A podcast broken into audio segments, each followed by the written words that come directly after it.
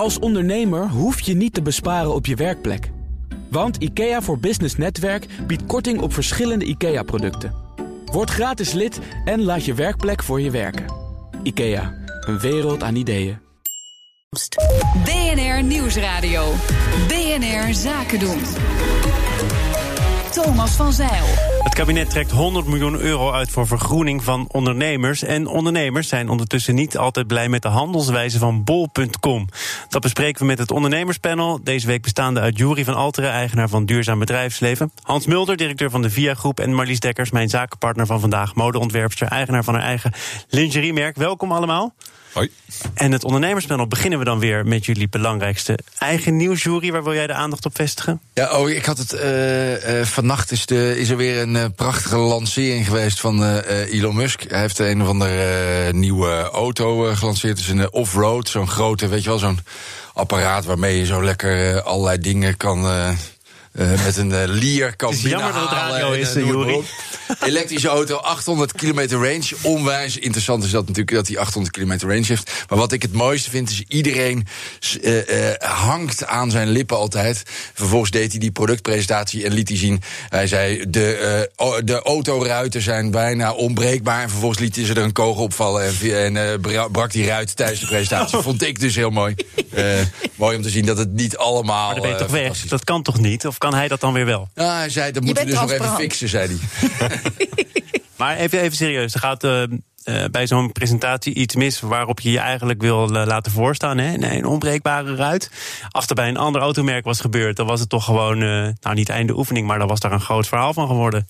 Ja, denk het wel. Maar je ziet dus, dat vind ik wel het mooie bij uh, Tesla. Je ziet dus dat het uh, zo'n soort helder status heeft gekregen. En dat men dat zo'n fantastisch merk vindt. Dat het dus niet zo heel veel uitmaakt. Er echt wel mensen die er heel kritisch naar kunnen kijken, toch Marlies? Nee, je hebt altijd het gevoel. Ik heb altijd het gevoel, ik kan hem dan gewoon twitteren. En dan zegt hij gewoon, ik, ik los het op in een jaar. Ja. Toch? Dat is wat je, ja. dat gevoel heb je met Ellen.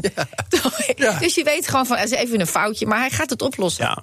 Hey, over Tesla's gesproken, jij wilde ook iets uh, over Tesla mededelen in dit panel. Oh, toch nog? Ja, nee, ik dacht dat we dat zouden skippen. Um, nee, ja, Skip zijn... jou bij voorkeur niet, Marlies. dus er zijn uh, taxichauffeurs hier op Schiphol die uh, nogal boos zijn op Tesla. Um, en daar, die, zitten nu in een, die hebben een rechtszaak blijkbaar aangespannen over, omdat ze vinden dat Tesla, weet ik veel, uh, hoeveel ze noemen, 90 of, nog, of honderden fouten hebben in hun uh, auto. En ze zijn boos over de manier van opladen. Nou, wat ik vooral moeilijk vind aan, aan, um, aan dat stuk is dat ik. Um, de taxichauffeurs in Nederland, die zijn nou echt een probleem.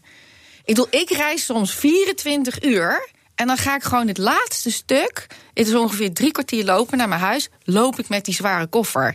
Omdat ik zo'n hekel heb. Maar, maar dit, is dit niet een beetje heel erg verre familie van wat je eigenlijk wil bespreken? Nee, nee, nee, nee, nee. Nee, ja, nee dat is niet waar. Want kijk, een Tesla is een disruptor, innovator, die komt met iets nieuws.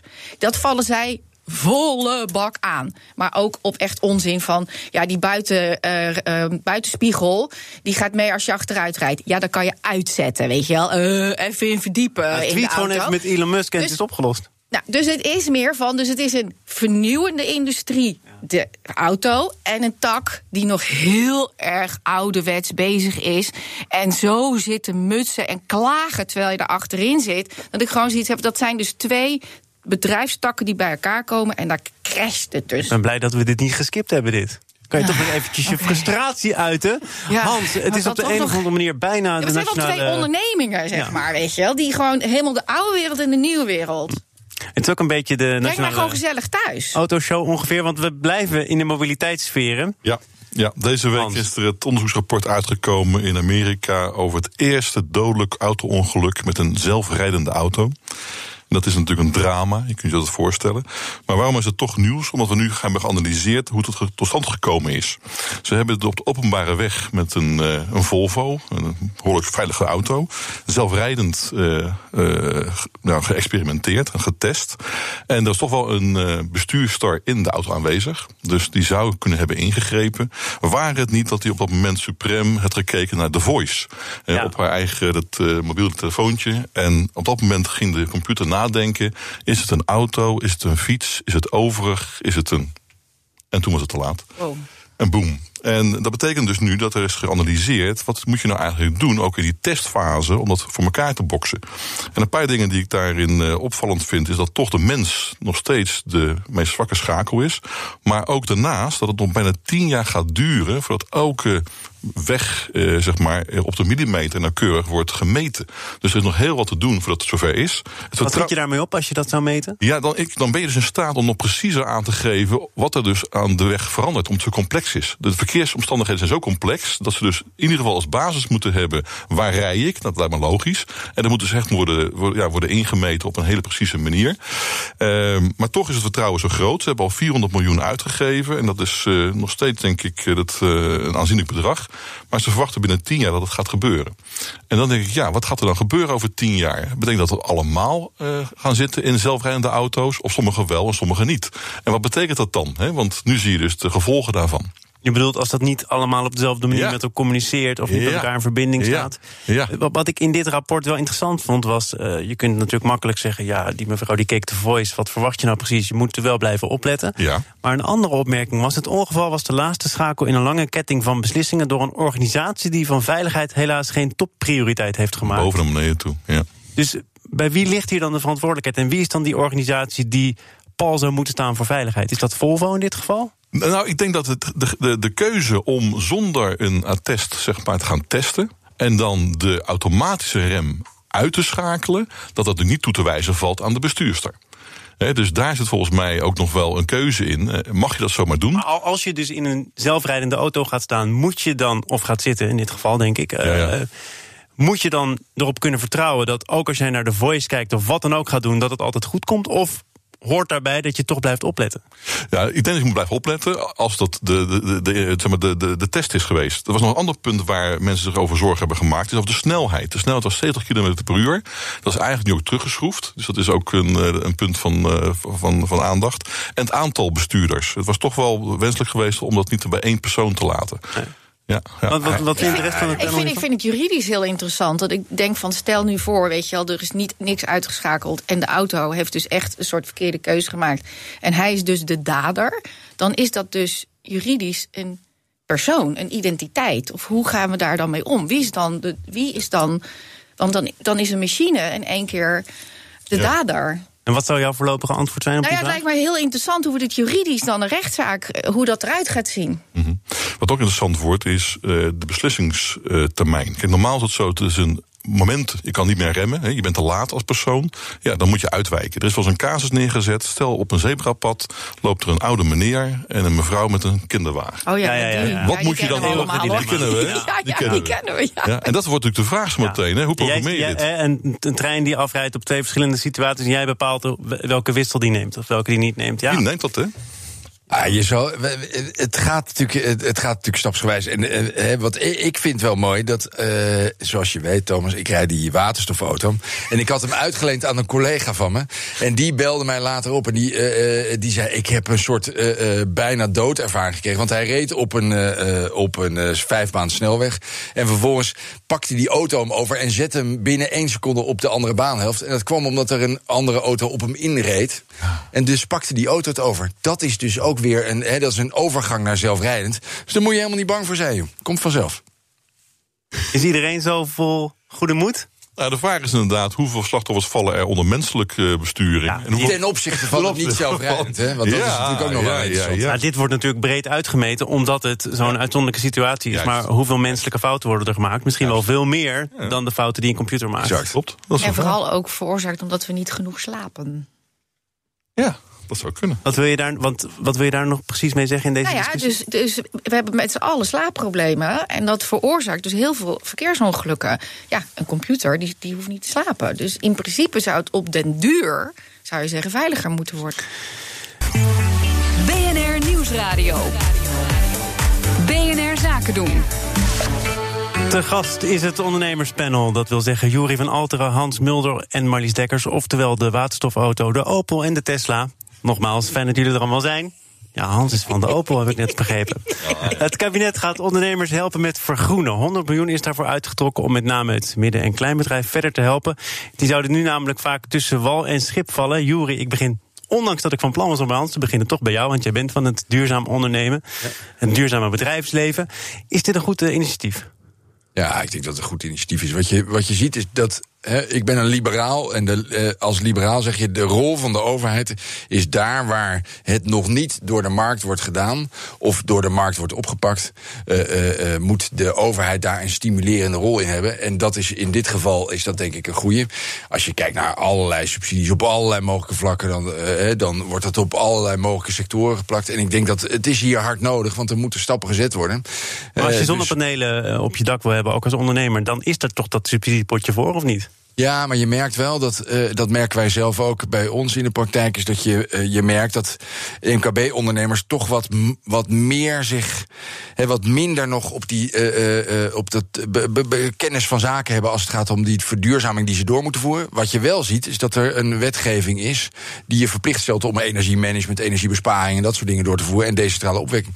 Dus ja, maar dat las ik inderdaad. Er worden allemaal maatregelen verplicht gesteld. Er moet er ook wel geld beschikbaar zijn om aan die maatregelen te voldoen. Maar wat zijn dan die maatregelen? Wat moet je dan doen als ondernemer? en, trouwens, het alternatief is, als je het niet stimuleert, dan zou je het dus moeten handhaven. En als je het moet handhaven, kost het meer geld dan wanneer je het stimuleert. Daar moeten we ook wel even duidelijk over zijn.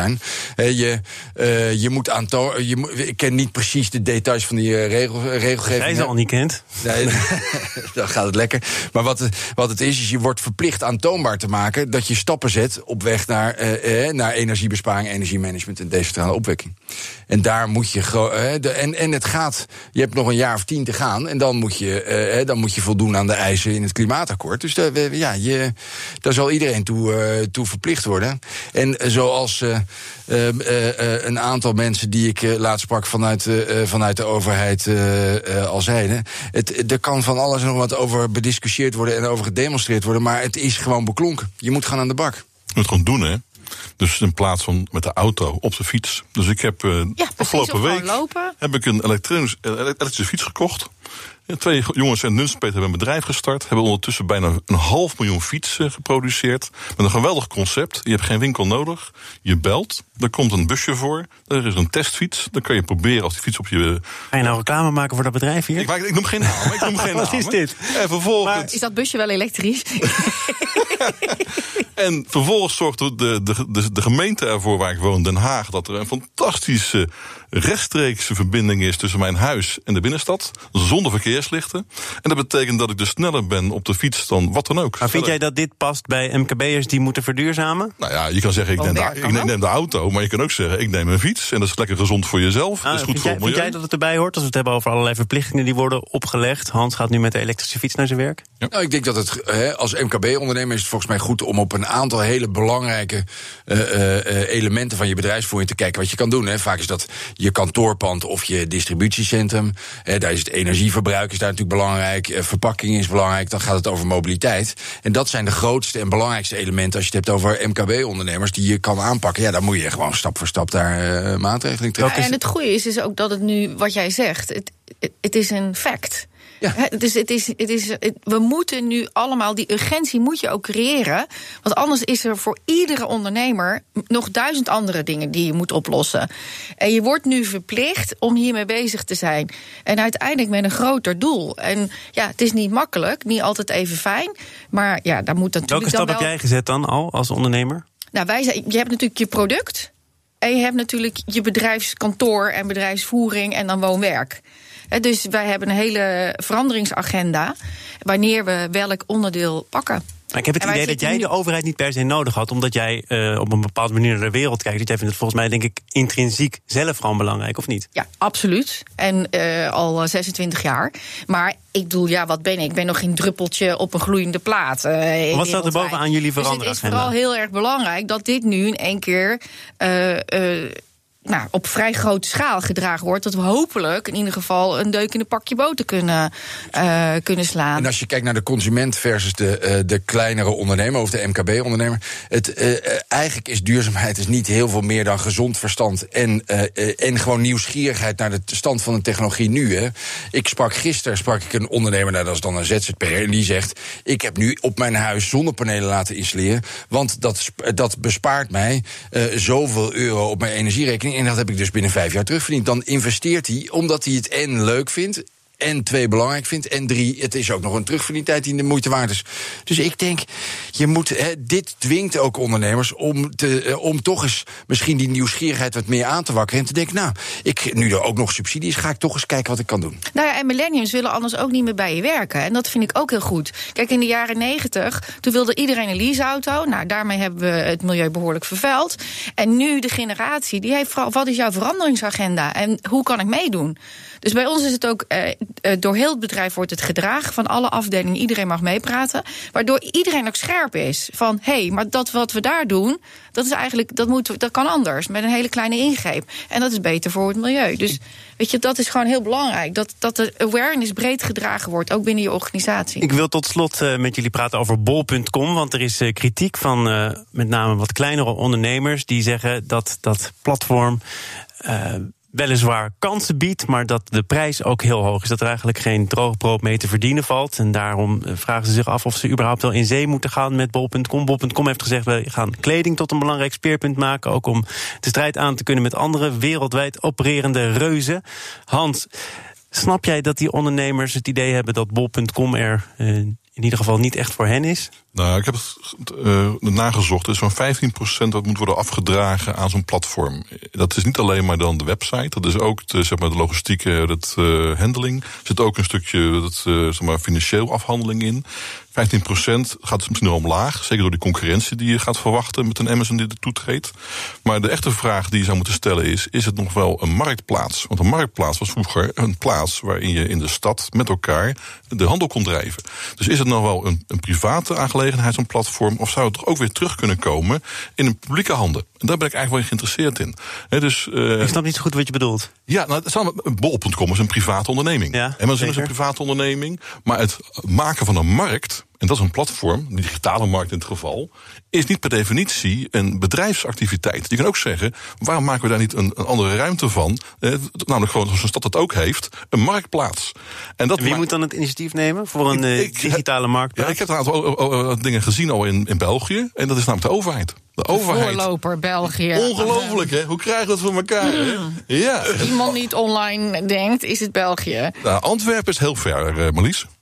Oké. Okay. Ja, dus jij, ja, jij ja, biedt ja, liever jouw producten aan op bol.com dan op een marktplaats die vanuit nee, de overheid dat wil ik niet zeggen, wordt. Maar ik weet, België is nou niet de voorloper op gebied van online. Ja, maar er kunnen interessante Nee, dingen spelen, misschien uh, op, op stedelijk niveau. Juist. Uh, uh, want jij, Misschien is dat inderdaad weer een kans daardoor, dat kan. Hoe, hoe, hoe afhankelijk ben jij van bol.com?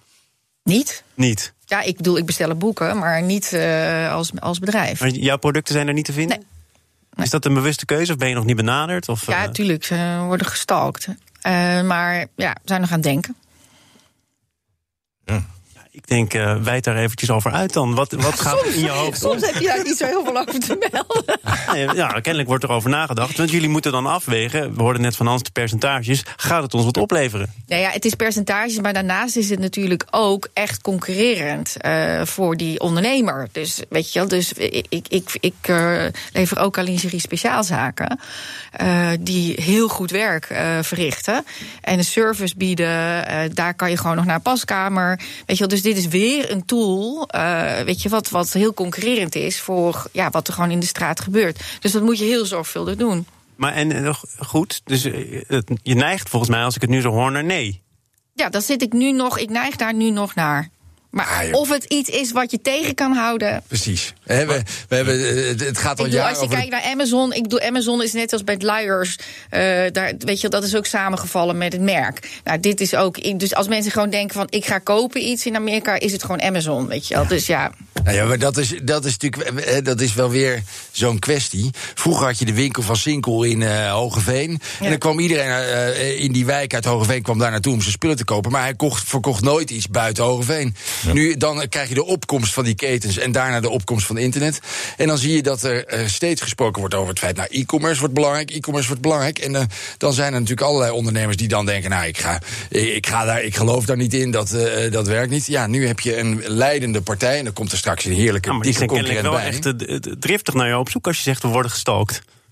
Ja, Bol, ja, tuurlijk. Die zijn momenteel omdat ze kleding. Nou, oké, wat Dus betekent zijn- dat? Word je er vaak zijn gebeld, allerlei eh, merken je- nu aan het benaderen. Want zij willen natuurlijk heel graag dat platform eh, gezicht krijgen met aansprekende merken. Dus ja, we zijn heel, allemaal benaderd. En als Eh, Amazon omdat zij natuurlijk komt. nu voelen van hey, Amazon komt. Dus Ja, wij ja. moeten daar ook heel even, een, even onze tanden laten zien. Dus vanuit Bol begrijp ik dat En helemaal. maakt voor jou dat percentage eigenlijk heel veel uit? Of zeg je, het gaat Ja, mij meer om de relatie? Nee, per- per- met die- percentage, ja, ik bedoel, dat, dat moet je ook nog kijken wat valt er te onderhandelen. Eh, maar het is vooral even wel van, ja, het, is wel, het wordt wel weer, weer een disruptor. Dat, maar ja, ik, Maar Marlies, bij jou moet het toch altijd alles heel goed passen? Dus dan is online bestellen, of is het eenmaal eh, één keer goed passen en dan is het online Nee, kijk, achter elkaar eh, ik bedoel, mijn businessmodel is sowieso nu al 50% online en 50% offline. Ja. En dat vind ik zelf al, ja, ben ik trots op, een Ja. goede mix. En, maar die mix heb je wel nodig. Je kan ook niet zonder de gewone winkels. Vrienden van het ondernemerspanel, het was gelukkig weer te kort. Dat is altijd altijd een goed tekort, teken. Jori van Alter, eigenaar van Duurzaam Bedrijfsleven. Hans Mulder, directeur van de VIA Groep in het bezit van een, en een elektrische fiets en een Opel. Yes. Fantastisch. en Marlies Dekkers, modeontwerper, eigenaar van het gelijknamige modelabel. En mijn zakenpartner van vandaag. Fijn dat je er was.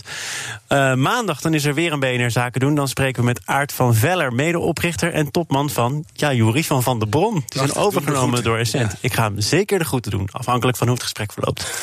Maandag, dan zijn we er weer. Zometeen is het eerst tijd voor eh, Nieuwsroom, onze dagelijkse podcast van het FD en. Veel plezier daarmee en een goed weekend. Een kleine update maakt een wereld van verschil. Daarom biedt IKEA voor Business Netwerk gratis snelle interieurtips en ideeën. Word gratis lid en laat je werkplek voor je werken. IKEA, een wereld aan ideeën.